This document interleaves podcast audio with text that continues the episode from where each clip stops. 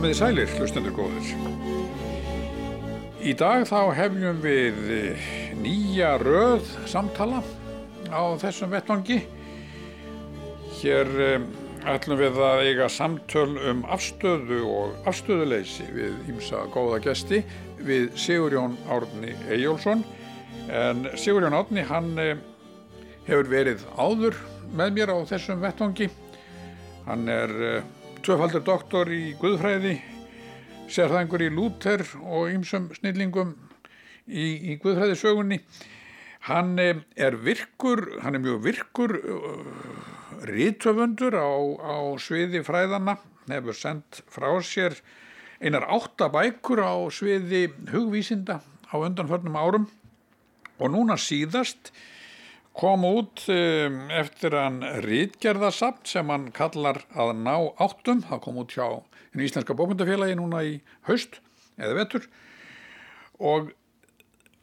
þær rítgerðir þar sem Sigur Jón ræðist til allegu við Ímis álita mál í samtímanum þessar, um, þessar rítgerðir verða kannski örlítið undirliggjandi í áherslum okkar í þessari, þessari samtala röð En við, mun, við Sigurjón átni munum síðan í síðasta þætti raðarinnar ræða sérstaklega um, um hans áherslur í, í, þessari, í þessu reytgerðasafni. Þannig að ég seginu bara verður velkomin Sigurjón á þennan vettang aftur og uh, það verður nú gott að heyra kannski örlítið uh, nánar hvað hér stendur til að gera afstafa og afstöðuleysi. Takk fyrir að vera með það þátt með mér og fá að taka þátt í þessum þetta með þér. Að vandin sem ég hef verið að glýma við mörg mörg ár er í raun og verið sá að, að það er svo erfitt að fóta sig í umræðin í dag. Hún er svo marg laga og, og líka oft að manni finnst mjög hörð stefnur og það er eins og menn grafið sér sjálfði nýður í skotgrafir og, og með á móti og þetta verðist hafa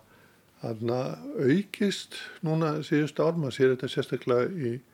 stjórnmálum og svo leiðist, þannig að maður e, sko það er eins og maður þurfi, ég er eftir með að ná áttum og þurfi að fá andrými þess að e, skoða sig um og fóta sig í tímunum og til þess að ná áttum er eiginlega mjög góð leið er að tala við þá sem þekkja sig vel til og mér fannst alveg gullir tækifæri að hóa í ymsa aðila sem eru vel aðeins sér í samtíðum að umræðu til þess að reyna að fá til þess að ræða við okkur um þessu efni og, og, og þá er eitt það sem er að stáa það er, er þessu, þessu hörðu deilur og þá er gott að tala við og Róbert Haraldsson að reyna að átta sig á þeim. Hann, hann er þekktur á Íslandi sem hinsbyggingur. Hann kláraði doktorsprósitt í Pittsburgh 97 og hefur verið að kenna eiginlega við hinsbyggideild háskólans eiginlega frá 92 og er núna sviðstjóru kennslusviði upp í háskóla en hann hefur skrifað fjölda ríta bæði hérna innanlands og erlendis um þessa efni og það sem Sko, ég vildi eiginlega spyrja þig, Róbert, um er það, náttúrulega sér maður það þegar maður fer yfir söguna að, Guðfræð og Heinsbyggi hafa verið mjög lengi samstíga einsum, sko, það er eins og Guðfræðin geti ekki fóta sig á hans að leita í smiðju Heinsbygginar og maður sér það bara Jóhannes og Guðspjalli, það stendur upp að orði og orði var hjá Guð, þannig logosúttæki sem kemur úr gríska Heinsbyggi svolítið inn í, inn í þetta. Og ef maður skoða líka eh, glímu guðfræði og hensbyggi þá sér maður að þau eru ofta að glíma við ég myndi ekki segja já, vissa dómhörku og jáfnveil dómsíki og líka vissa, vissa hættu við það að ykkur viss síðakerfi eða viss sín á veruleikan er gefið algilt vægi. Þetta er eins og sem ég segja að til dæmis alminnisálitið er gert algilt eða, eða meiru hluta álitið er gert algilt og eða þá viss moralismi verðist eh, taka yfirhöndina.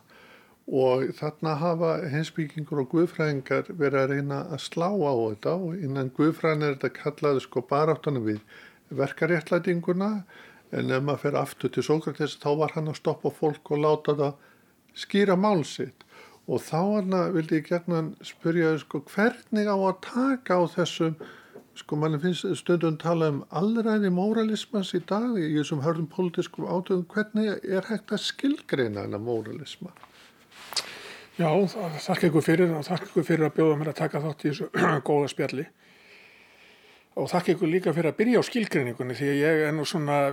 heimsbyggingur sem, sem eh, hef tröll að trúa því að maður eigi nú að reyna að átt að sjá skilgreiningunum fyrst að því að annars verður umræðan þvælinn og, og það verður erfitt að fóta sig. En eh, samt langar mig að segja áður en ég kemur hugsanleiri skilgrinningu á moralisma að aðeins bara eitt orðum það akkur ég sjálfur hef áhuga á þessu efni. Að það eru tvær megin ástæður svona mín, mín svona að svo miklu leiti sem heimsbyggi yfganir mínar hafa verið sakfræðilegar þá hafa þær hverst mjög mikið 19. Um aldina og 19. aldar heimsbygginga og svona einsbygging eins og John Stuart Mill, uh, Nietzsche, Emerson, Thoreau, þetta er allt 19. aldamenn og það sem þeir eiga sameigilegt, eins ólíkjörið þeir eru nú að öðru leiti er að þeir eru allir að berjast gegn einhverju sem þeir nefna moralisma eh, eða svona gríðalegt vægi síðferðisins á kostnað annar að þáta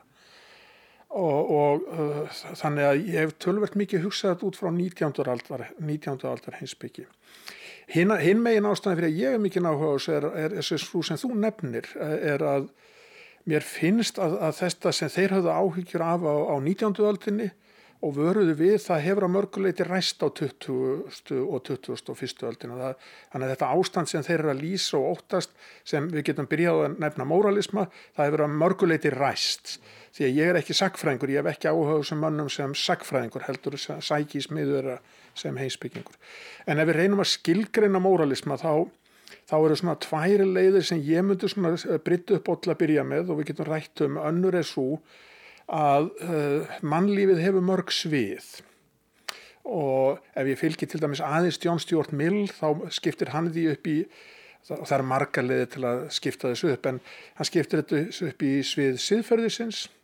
það sem er rétt og rámt og, og, og gott og ílt uh, svið hins hagnýta þar sem við tökum hagnýtar ákvarðanir uh, og, og þar, þar sem gildir þar sem gildir hérna svona árangur. Það er til dæmis bara eins og ef ég vildi fjárfesta í hlutabrjöfum á ég að fjárfesta í, í, í Æslandir eða Norwegianir, þannig kannski ekki gott dæmi núna en, en þetta, er, þetta er ekki siðferðilega ákvörðun beint, heldur er þetta bara hægnýtt ákvörðun, hvernig vil ég á, ávast að mitt fyrir og svo í þriðja lagi nefnir hann til dæmis hitt fagufræðilega uh, hvernig við klæðum okkur hvernig við uh, presenturum okkur uh, hvernig við veljum hitt fagra fram yfir í góða. Og Mill til dæmis og ég fylgja hann mjög stíft þar hann gerir svolítið skarpan greinamun á þessum þremur sviðum það er að segja hitt siðferðilega hitt hangnýta og hitt fagufræðilega og þá var í móralismi að siðferðið yfir, færa yfir skikja hins sviðin. Og öll svið mannlýsins væri líst út frá hinnu siðferðilega. Það er að segja eins og það væri eina sviðin og hinn sviðin væri algjörlega undirskipuð því eða það er þá ein, það er þá svona ein tilrönd til skilgrinningar að svið siðferðisins, svo verðum við að spyrja eftir augnablík hvernig myndum við þá afmarka svið siðferðisins, að, að svið siðferðisins væri að breyða úr sér og íta hinn svona einokuna tilburðir. Þetta er nákvæmlega sama og, og Nietzsche gerir stuttu setna og verður frægu fyrir að skilgrina siðferðis út frá einakunna tilbúinum þess. Hinn skilgriningin væri að horfa á ástæður. Það væri að skoða ástæður aðtapna, svona hinn skilgriningin sem ég myndi svona vilja leggja fram ef við skoðum ástæður aðtapna. Eh, þá, ef við tökum bara til að hafa eitthvað svona siðferði í, inn í myndinni ef við tökum svona heimsbyggilegt siðferði þá er eitt frægasta siðferði sem til er það er hamíkju siðferðið Eh, nýtjastefnastundu kallu Pál Skúlason heitin kallaða heillakenningin eh, það er að segja það siðferði sem krefur okkur um það að hámarka hamingju eins marga og við getum með sér hverja aðtönd ok, þetta er þá markmiðið. Markmiðið er að hámarka hamingju sem flestra. Þá vaknar spurningi með ástæðunar er þetta svo ástæða sem ætti að stýra öllum mínum aðtöfnum? Og ef að svari við því er já, þá erum við komið aðra skilgrinningun á móralisma, skiljið, því að þá, þá eru siðferðilegar ástæður sem í þessu samhengi væru þessar ástæður fyrir að hámarka hamingi fjöldans, þá væru þær orðnar sagt, uh, einu ástæðuna sem gildar væru. Það er að segja, ég á alltaf að hegða mér þannig að það komi sér sem best fyrir samfélagið mitt. En margir 19. aldar hinsbygginga þeir svara afdráttalust nei. Mill segir bara nei og aftur nei þó hann sé eitt mest í síðfræðingu 19. aldar. Hann segir yfirgnæfandi meiri hlut af öllum þínum aðtöfnum varða í grunninn aðalega sjálfandig. Þetta er ekki aðtöfni sem aðrir menn geta verið að skipta sér að. Og það er best fyrir samfélagið að þú fáir að vera svolítið sjálfstæði með það. Til dæmis hef ég mætti þetta viðtali á ákveðinu tegunda skirtu, ævar í annari, kannski hafa fagufræðilegar ástæður ráðið þessu og ég get ekki verið að skamma ævar og ævar vonandi skamma mig ekki fyrir mitt fagufræðilega val. Auðvitað skarast þessi svið, það gæti komið í ljós að skirta mín hefði verið búin til að börnum í Pakistan og þetta hefði verið búin til í þrælabúðum og þá, þá væri það orðið siðferðilegt. Þannig að spurningin væri þá þessi, hvernig afmarka maður svið siðferðisins frá sviði hins fagra eða sviði hins hægnýta og einleið er svo að líta á skadahugtækið. Það er að segja aðrir menn þeir hafa tilkall til að uh, ráðskast með mínar aðtapnir, síðferðilega séð, ef ég, ef ég er, er að skada aðra og þetta er svolítið góð skilgrinningamörkuleiti því að þarna er skilsmunur með, með síðferðilega, ef við skoðum síðferðilegar breytni, ef ég ger eitthvað rámt að mér síðferðilega þá, þá hef ég skadað aðra og hugmyndin um einhvers konar refsingu vaknar. Hún geti verið refsing, uh, lagaleg refsing, hún geti verið refsing almenningsálitsins eða hún geti bara hreinlega verið refsing minnar semst, en þetta á ekki við með hið fagra og hið hagnýta og mörg önnurs við. Ég menna ef ég, ef ég fjárfesti í Tex Jensin á að fjárfesta í þessu flugfélagi frekar en einhver öðru og tapa peningnum mínum þá öllu jöfnu varðar það mig og mína fjölskyldu.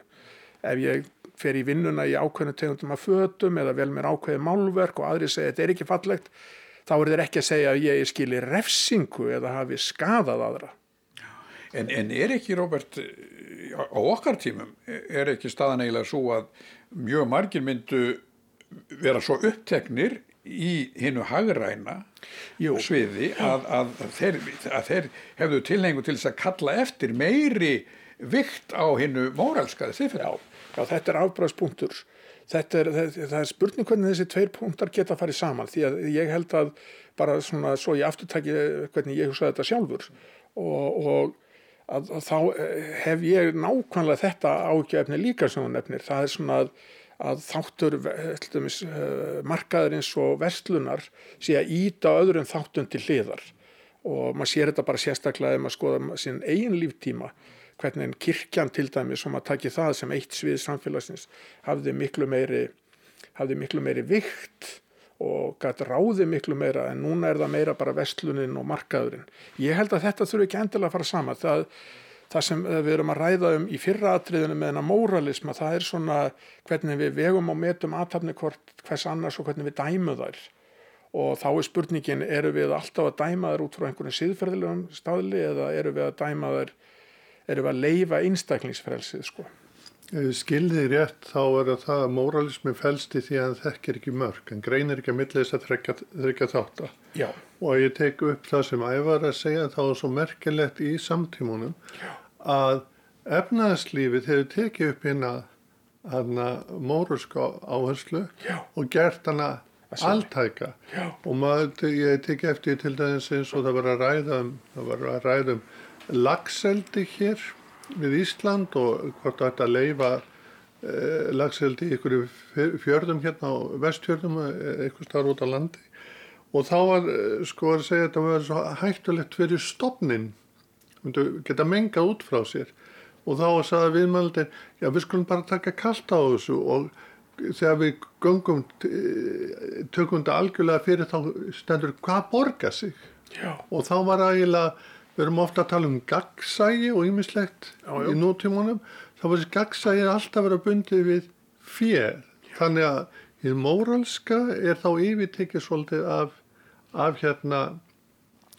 efnaðarslífun og þá er, mér, er ég að velta fyrir mig, er ekki mill að tala um það sem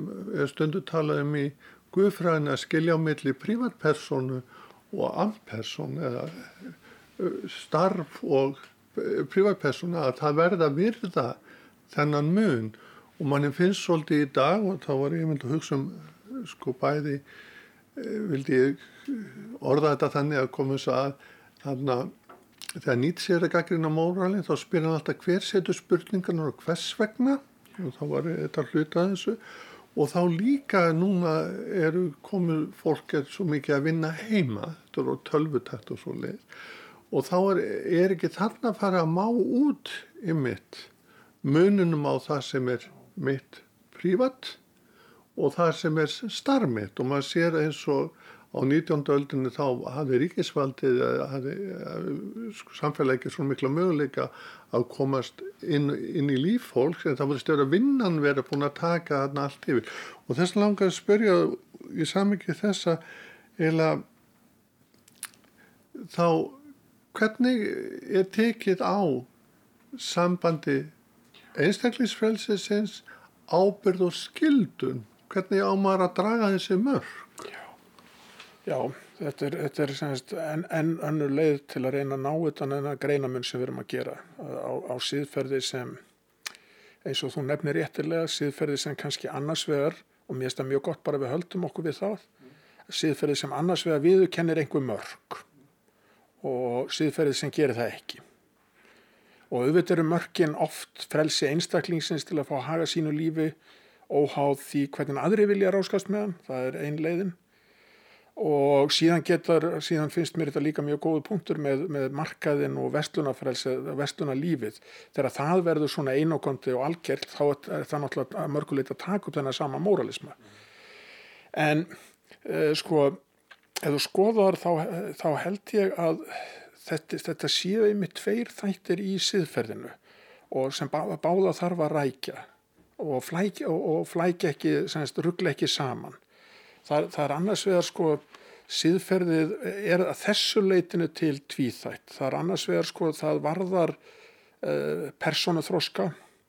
það sem kristni menn myndu kannski kalla sálu hjálp, það er vera hólpin, en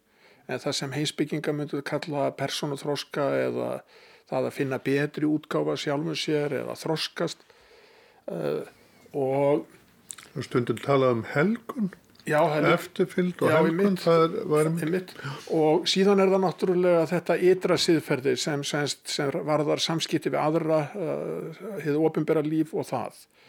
og það er mjög gaman að fara í mitt að tengja þetta við moralismann sko því að sumir uh, heimsbyggingar eins og Bentham sem er nú uh, ásamt milfrægasti hamíkjusiðfræðingurinn að hann eiginlega þurkar út að mörgu leiti þetta innra persónulega. Uh, og hans moralismi fest svolítið í því að líta svo á að þetta ytra siðferði, siðferði sem samfélagi setuðir og við vorum að ræðum áðan, siðferði svona félagslegt taumhald, uh, það er siðferði sem er ríkjandi í, í þínu samfélagi, að það sé bara eiginlega allt, það er ekkit annað. Skilur, og, og til dæmis Mill, stór hluta hans skrifum fælst í því að reyna að sína fram á það nei, það þarf hvoru tvekja það þarf, eh, það þarf að til að síðferði sé heilt þá þarf þessa áherslu á uh, innra lífi einstaklingsins það að einstaklingurinn finnur að hann getur breytt sér þetta er stundum talað um að þetta sé svona andleg uh, bilding eða að verða fyrir svona andlegri uh, vitundavakningu og finna að þú getur með eigin vali og eigin breytni breytt sjálf með þér og þroska sjálf með þig Eh, eftir þeim leiðum sem þú eh, velur að þróska þig og ég held að það sé alveg háréttjáður að ein hugmyndin á bakvið það að, að stemma stigu við allræði eh, meirihlutans eða allræði siðferðisins sé ymmit að vekja aðtigla á þessum greinamun að siðferði er tvíþætt. Til dæmis Kristur, þú þekkir hann mikið betur en ég en hann er mjög sterkur á fyrra aðtriðinu með, með svona persónulega siðferðið sálarþróskan að vera hólpin mér sínist að hann hafi minni áhuga á þessu ofinbæra síðferði eins og til dæmis Bentham sem er bara lagalreglutnar kröfur samfélagsins og, framvegis og, og það þarf hvort tvekja. Ég held að það sé ymmit einn ástæði fyrir moralismi ef að, ef að annað verður ofríkjandi á kostnað hins. Langar þá til þess að um, fyrst og náttúrulega tala um John Stuart Mill þá er frelsið skiptið miklu máli hjá honum Já. og við myndum tengja aðeins við þessa umfjöldum. Þá eru annars vegar frelsi einstaklingsins Já. og svo frelsi sam, í samfélaginu og þá er ofta er eins og að vera komið út frelsi fjármags versus frelsi einstaklingsins. Gætur varpaðins ljónsjá hvernig, hvernig var hægt að halda jafnbægi í þess og mér finnst eins og við vorum að tala um sko áfram markaðin og sko einstaklingin að það er eins og hann hafi tekið frelsið sér þar bundið meira við markaðin heldur en við einstaklingin og þetta kemur til þess eins og núna bara Eh, sko nú er fjórði við tökum þetta upp núna fjórða mæ og þá er verið að opna þannig að það eru að opna aftur á markaðurinn og það deilan stóðum sko að vernda líf eða markað. Þetta er svona já, líka svolítið já,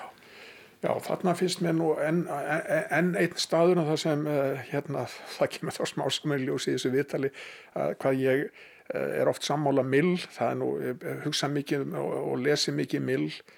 og pælt mikið mína hinsbyggi út frá hans viðamikla verki. Og aftur finnst mér hann hitta rétta á rétta tónin þegar kemur að frelsi og verslunafrelsi og hann gerir skarpan greinaminn á þessu tvennu. Því að frelsi einstaklingsins er aðtapna frelsi einstaklingsins. Það takmarkast alltaf við aðtapnir sem varða fyrst og fremst mig einan. Það er aðtapna frelsið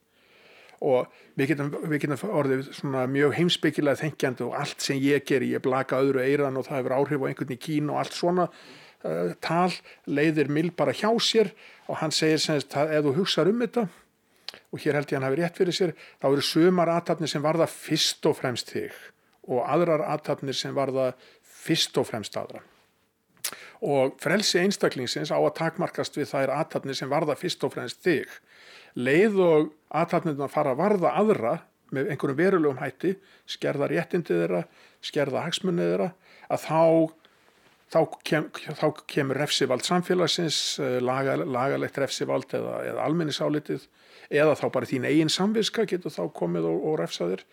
Vestlunafrelsi passar ekki inn í þessa mynd. Það passar einfallega ekki inn í þessa mynd vegna þess að vestlun hún er alltaf samfélagsleg ég get ekki verið að selja eitthvað efni á markaðu og segja varðar þetta aðra? Það varðar allt samfélagið. Vestlunafræsi er bara þannig frá upphafi, frá A til Ö. Og ég hef nú meðalans skrifað tölvört mikið um þetta sjálfur út frá áfengisjónamiðum þar sem ég hef bent á það að Íslandingar með að við núverandi eh, áfengis, skipan áfengismál á Íslandi þá höfum við einstaklingsfrelsi til að detti í það eða kaupa okkur áfengi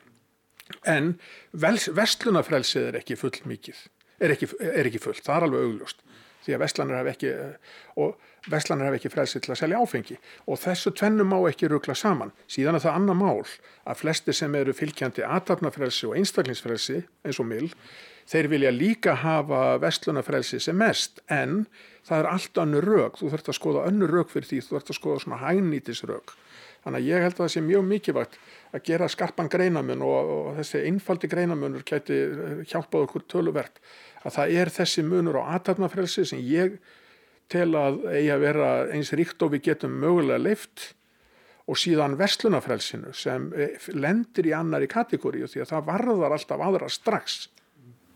Ef við myndum halda aðeins á frá þessari braut fyrir ekki að og þá, nú erum við að tala um vestlunafræðis en nú er það einstaklingurinn og heildinn í samtíminu oft lagt svolítið áherslu á það að maður verða að virða uh, réttindu og uh, hagsmunni heildarinnar á kostnað einstaklingsins. Já. og þá er maður komin inn í mannréttindahugsununa hvað er það sko, verður einstaklingur hvað að segja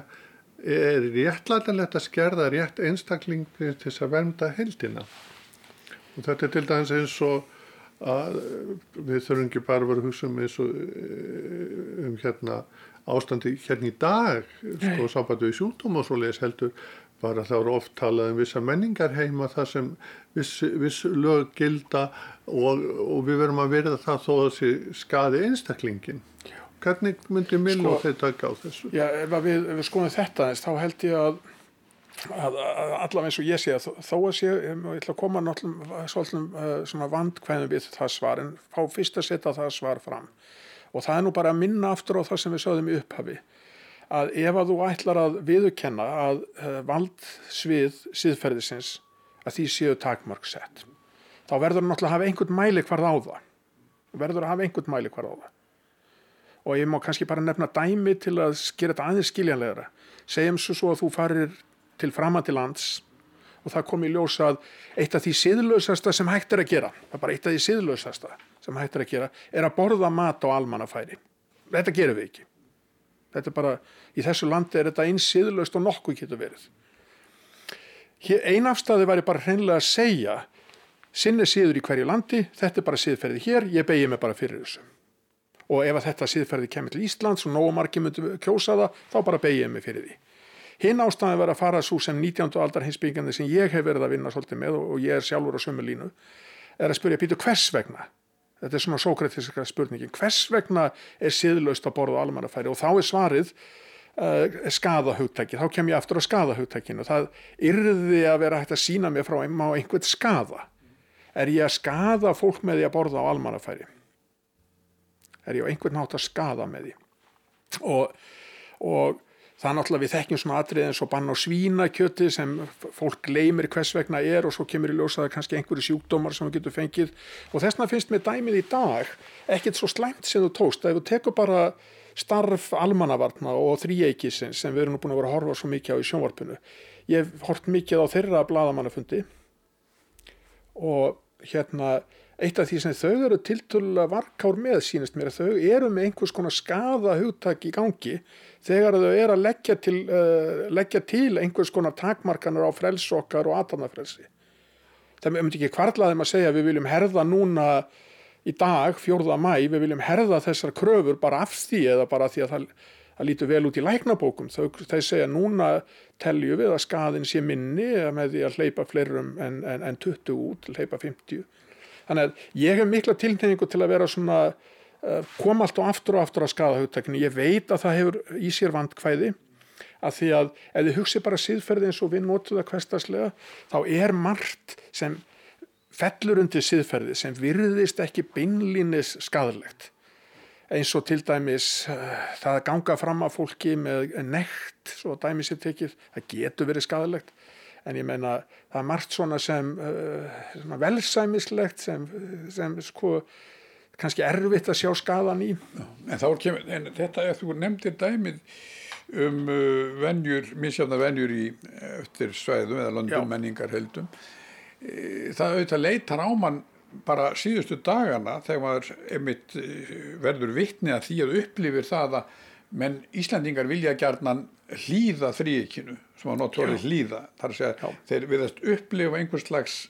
félagslega síðferðiskend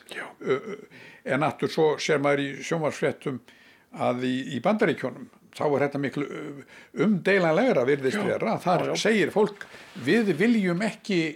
afsala okkur þessu persónulega frelsi, við viljum ekki svona hömlur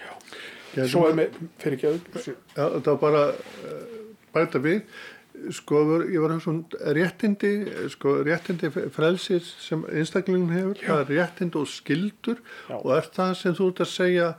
að skildurnar taka mið af skaðseminni til dæmis þá voru þetta alveg eins og hérna þetta í bandaríkanum ef ykkur síktur er hérna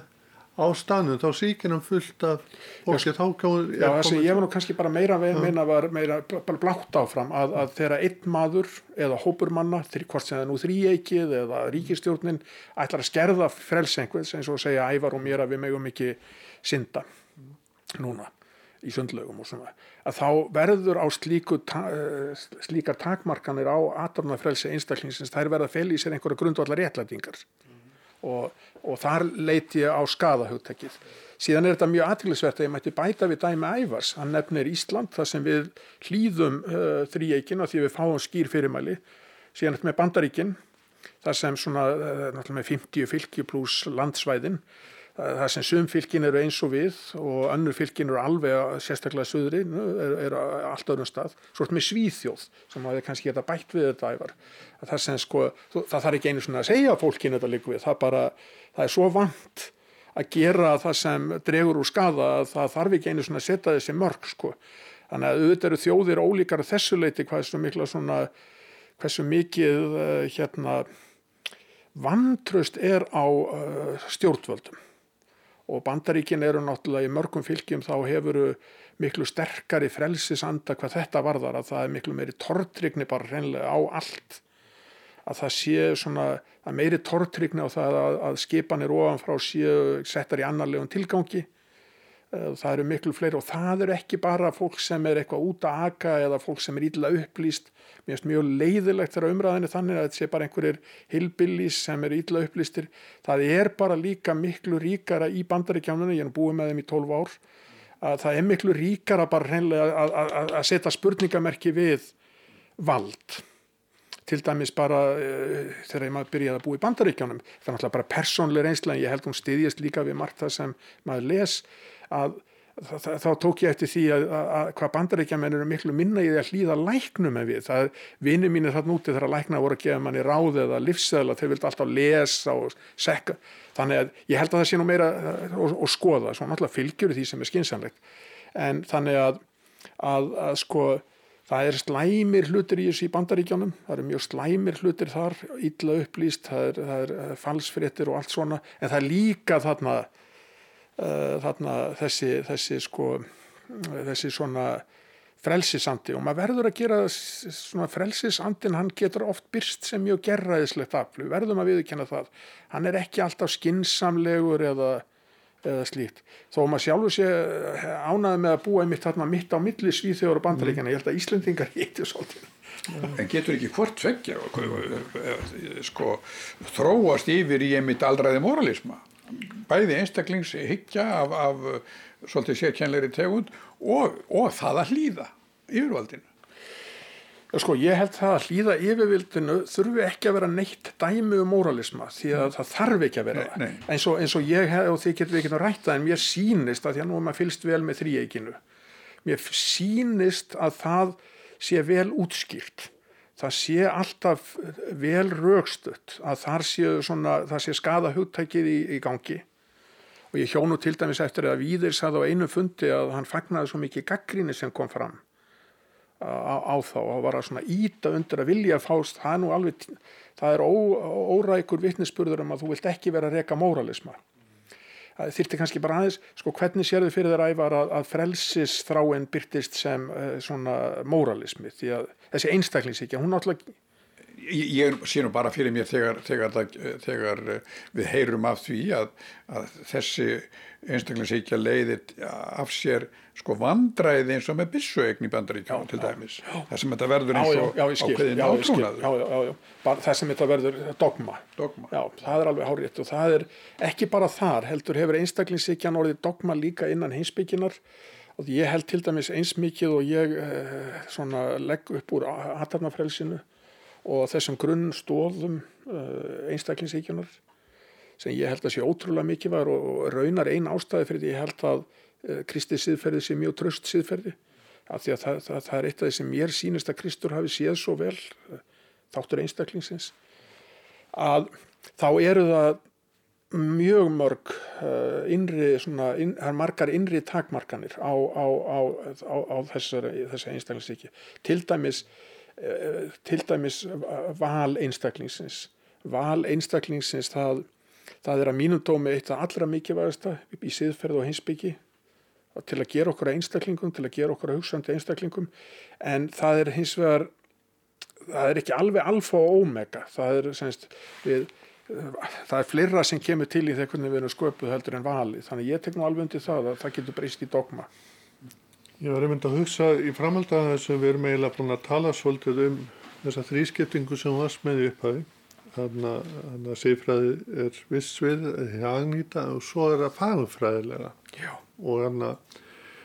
og það sem ég var að hugsa um í því samingi er ef við höldum áfram svolítið á þeim tímum sem við erum núna með að, að það er eins og heimurinn hafi verið stoppaður svolítið og uh, fólk var, þurft að vera heima hjá sér og anna, þá kemur allt í einu þú veist að tala um sjálfræði einstaklingisins til þess að sinna frelsunum þá verður maður að já, vita vegna hvers maður með þessar hlutu og mér þóttu væntum og saðir hérna að þessi gaggrinni bandarækjana mannum væri mætti eiginlega sjá viss að nýtt sig í því að hann spyr af hverju þetta sett. Vegna þannig að það viss heilbrið taug í þessu, í þessu mótmálum þannig að þetta er ekki eins og þú sagði bara heilbilis, heldur þetta ígrunda en þá er ég að velta fyrir mér stöðu mentunar það er þá hvernig hún er og hefur verið hugsuð og þá sér maður að nú ertu í kænslusviðinu og getur valla verið sko nærtakar að spyrja um þetta. Og þá lítur líka að vera á því sviði að vildi eiginlega hafa þetta tvískipt þá finnst almennt og líka svo fyrir einstaklingin maður sér að þessi sko Humboldt var með svona vissi almenna mentun áslunni í allna í eh, mentakerfinu maður átt að eiginlega þroska sig maður gæti segja mentun sem við svona helgunaferli og þarna myndu tengast mjög vel því sem þú varst að tala um í sambandi við hinsbyggina en svo verðist hún að vera svolítið efnaðisvænt og núna í dag þegar sko allt í nu þegar allt er stopp þá var, fannst mér eins og það rann svolítið upp fyrir þessum uh, sjálfstæða vesturlandabúa að hann var eiginlega orðin bara neytandi og túristi og þú veist að þetta var svona viss hugsun og þá langaði að spyrja í þessu samingjum gildu mentunar að taka á þessum álum. Já, ég held það sé algjört líkil atriði þessar umræðu, það er mentunin mm. Og að því að nú, við erum búin að vera að tvinna mill inn í þetta mm. að það var svolítið aðtiklisvert í einu, einu frægu ávarpi þá segir hann að þetta er náttúrulega mjög stuðandi og hann gerður að heiðusrektor við St. Andrew háskóla mm. sem er nú mjög flottur háskóli og hann, ja, heiðusrektor það, það felur ekkert í sér raunin annað en eina ræðu og, held ég og svo einhver svona óformleg tengsl og þá sagði hann að í háskóla eiga menn bara að læra heimsbyggi og hitt geta þeir lært utan háskóla. Og það er náttúrulega ekki margi sem hafa þennan kost eins og mill að vera það ofubóðslega avanseraður að geta bara farið heim og lært hagfræði eh, og, og, og lögfræði bara nánast utan skóla.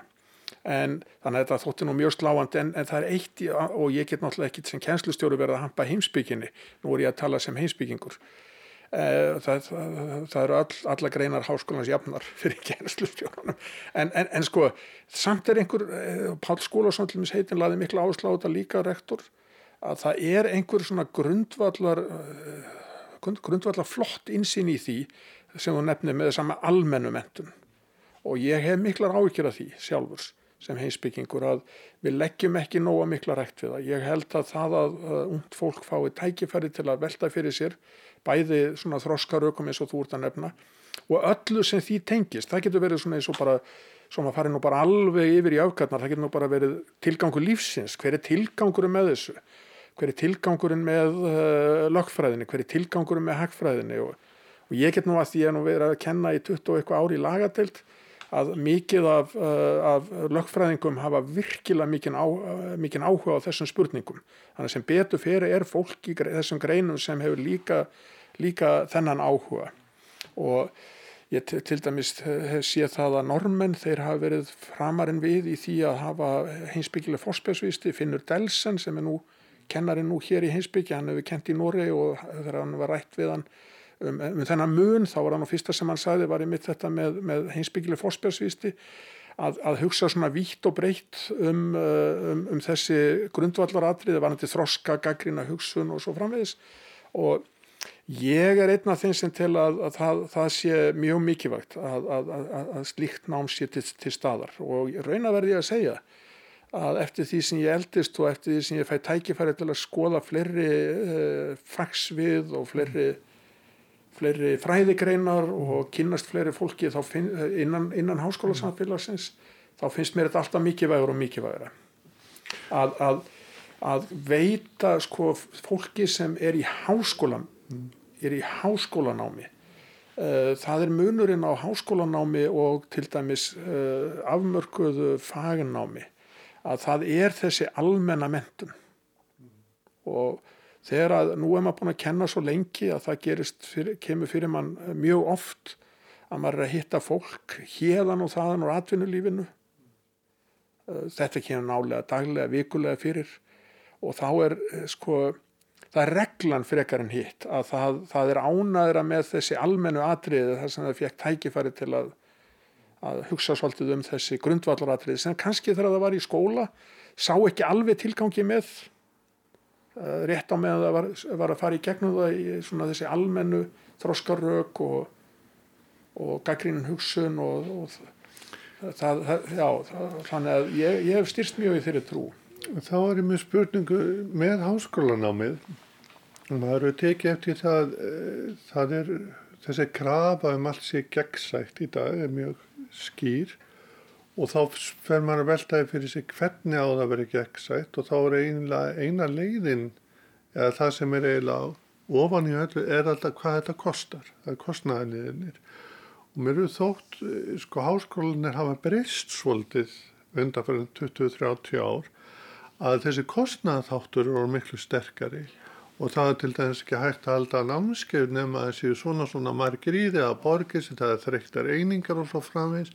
svo líka innbyggt í háskóla sko bara starf uh, prófessornöndu það eru launabundið hvað þið skrifa margar greinar í viss tímaritt sem fá ykkur að punta fyrir þannig að það var bara til þess að tryggja laun þeirra. Og þetta hefur leitt til vissar hérna, áherslu á alheims sko að maður verið að taka þátt uh, á alheimsvísu sem hefur svolítið lokað finnst mér háskólan frá sko síni nánast á umhverjum að sé til þessi svo söp fóru byggð á þjórnishugsanir og ímislegt þarna sem skiptu máli. Og maður sér hvernig þið skrifuðu hérna í gamla daga Sigur Nordal og þeir voru alltaf að taka íslenska menningu fyrir og ímislegt slík að verðist að vera að íta þessu svolítið inn í, inn í eitthvað alþjóðlegt samingi sem er undir þessu sko ykkur skona efnaðshugtæki sem verðist að vera þarna mótandi. og e, maður tekur eftir að e, sko það er viss óanægja og þreita innan háskólasamfélagisins með þetta verðan þess að það vil fá að tala, taka þátt í umræðinu sem þessar almennu spurningar. Og ég hef verið veltaði fyrir mér að ymmit þegar veiran kom núna, koronaveiran hún neytti fólk til þess að hug, huga vissu aðrið sem það var, var búið að íta svolítið lengi á undan sér að við erum döðleg þetta er sko all stórslis og ymislegt svoleiðis var eitthvað starf annar starf í heiminu en núna örðum við að passa okkur. Er ekki hægt að heimsækja gamalt fólk hvernig þess að hættulegt og svolítið þá er alltaf þessi döðleiki að við erum döðlega verur kom. Og það er hluta því sem sko maður finnst að saman líka hensbyggina og guðfræðina, það er spurningun döðan eða tilvísmannsins sem eru svo stóru spurningar. Og þarna, þú byrjar að tala um helgunna, við tala um helgunna þú, að í hensbyggina líka hvernig getum að lífa merkingabæru lífi, er þetta ekki svolítið stór hluti í mentun og þú tala líka um það og hýttir fólk þá er þetta aðriði sem, og er þetta þá kannski eitthvað sem við getum tekið með inn í framtíðina núna eftir þetta? Sko ég, ég hallast nú sjálfur að ég vera sammálaður en um það að það sé svona fátt jafn uh, líklegt til að leiða til endumats á verðmætamatti og það að vera myndur og einn döðleika Þannig að ég, ég tek nú svolítið hressilega undir það. Ég held að fólk þekki það úr einu, eigin lífið, fólk þekki það á pláum og við sjáum svo mörg teikn þess. Það er allt og snemt að segja hvernig við vinnum okkur út úr þessu COVID en, en, en það er svona strax einhverja vísbendingar sér, sér, sér maður hjá fólki um það að það er svo ofsalega sterkur tengsla á milli endurskoðan á verðmætamati og, og, og, og viðurkenna eigin döðleika. Jón Kalmansson hefur nú skrifað mjög mikið um þetta bæði í bókum og reytum hér á landi. En sko ég tek líka undir með með það að þessi alþjóðavæðing hún, háskólana, hún hefur náttúrulega leitt til meiri samkeppni og, og, og meiri, það eru miklu meiri kröfur á kennara. Eina sem ég get sagt að setja aðeins svona jákvæða, jákvæða sín inn í það að maður sér að þetta er ágefni hjá stjórnendum háskóla meðan hans á Íslandi og, það, og yfir stjórn hefur tekið á þessu og það, það hefur mikil vinna í gangi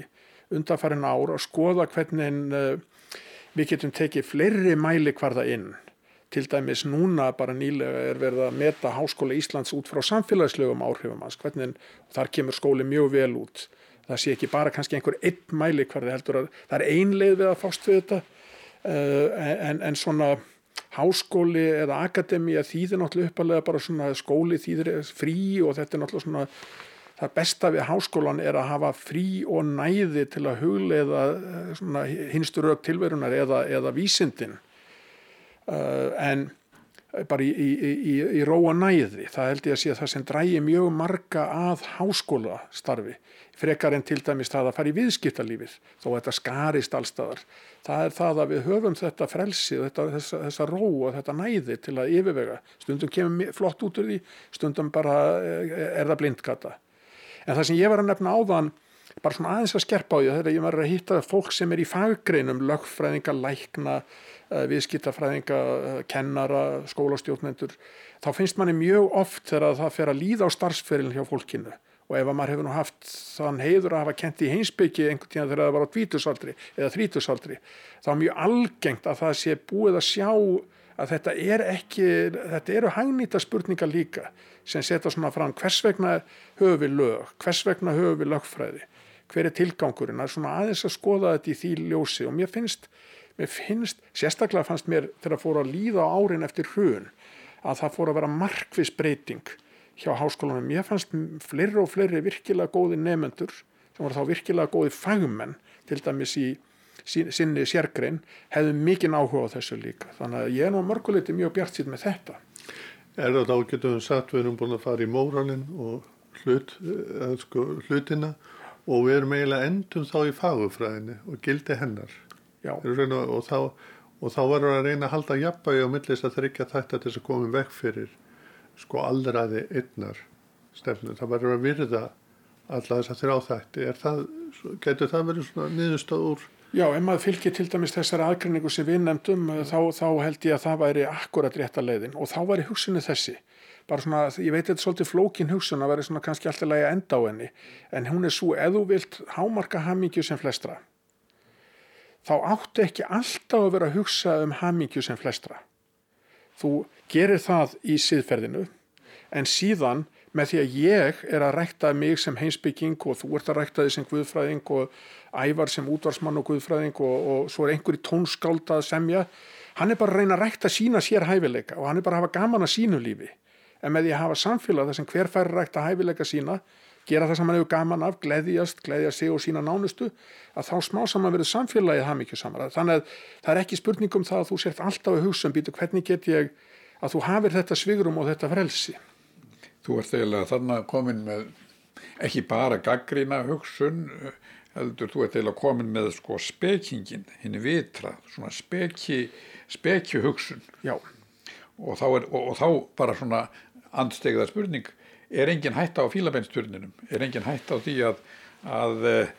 að áherslan á hinn almennu gildi þekkja sjálfan sig vera gaggrininn að hún verði til þess að það verði einhvers konar skipting? Jú, þetta er ekki bara mikil hætta heldur hefur hún víðar öngjast og ég myndi nú segja svona ef þú myndi stilla mér fyrir vegg og spurja hvað, hvað veri helsta áhugjefni mitt um heimsbyggina þá myndi nú orðið fílabinstur sannlega koma þar fyrir. En, en, en hérna það er auðvitað þessi hætta. Það er virkilega þessi hætta þegar þú ert að að pæla svona opið og, og en, en það sem ég var samt að segja ævar uh, og það er kannski svona uh, lífsreynsla þegar þar kemur inn að því að maður hefur kent, það eru skiptið þúsundum nefnendurnir á Íslandu og í Bandaríkjónum þar sem þetta er svona mín helstu tvö land sem ég hef kent í. Að þá er ég að segja sko ef að þú ef þú ert, ert tiltölulega jarðtengtur í þessum pælingum þá sér fólk að þær eru gaglegar það, það sér fólk að að hérna, ég minnist þess að ég kemdi að kannski tím búin en ég átti fund með kínveskum prófessor í bandaríkjanum og hún, hennar punktu var alltaf heimsbyggin er hægnítast að greinu var hann alltaf að segja við mig og þá var hann að segja að þú getur tengt hana öllu. Og þannig að ég var að tala um þessa heimsbyggi sem er hjartengt, sem er að fást við þessa hluti. En síðan líka bara langaði mig á þess að rendi mótsögnu sjálf af mig mér finnst líka mjög mikilvægt að fólk hafi þetta svigrum, þetta frelsi til að gera eitthvað og hugsa sem virðist ekki að hafa neitt tilgang. Það er það sem gerir háskólastarfið oft svo ofubóslega heillandi. Mm. Þetta er mjög... Þetta er góð lokaord. Já, þetta er góð lokaord og svona mjög eiginlega svona aðlaðandi lýsing á, á um, háskólanum og innviðunum. Róbert H. Haraldsson, professor í Hinsbyggi, bestu þekki fyrir að setjast í þetta samtali við okkur Sigurðan Átna Egil's. Takk fyrir kella fyrir þetta.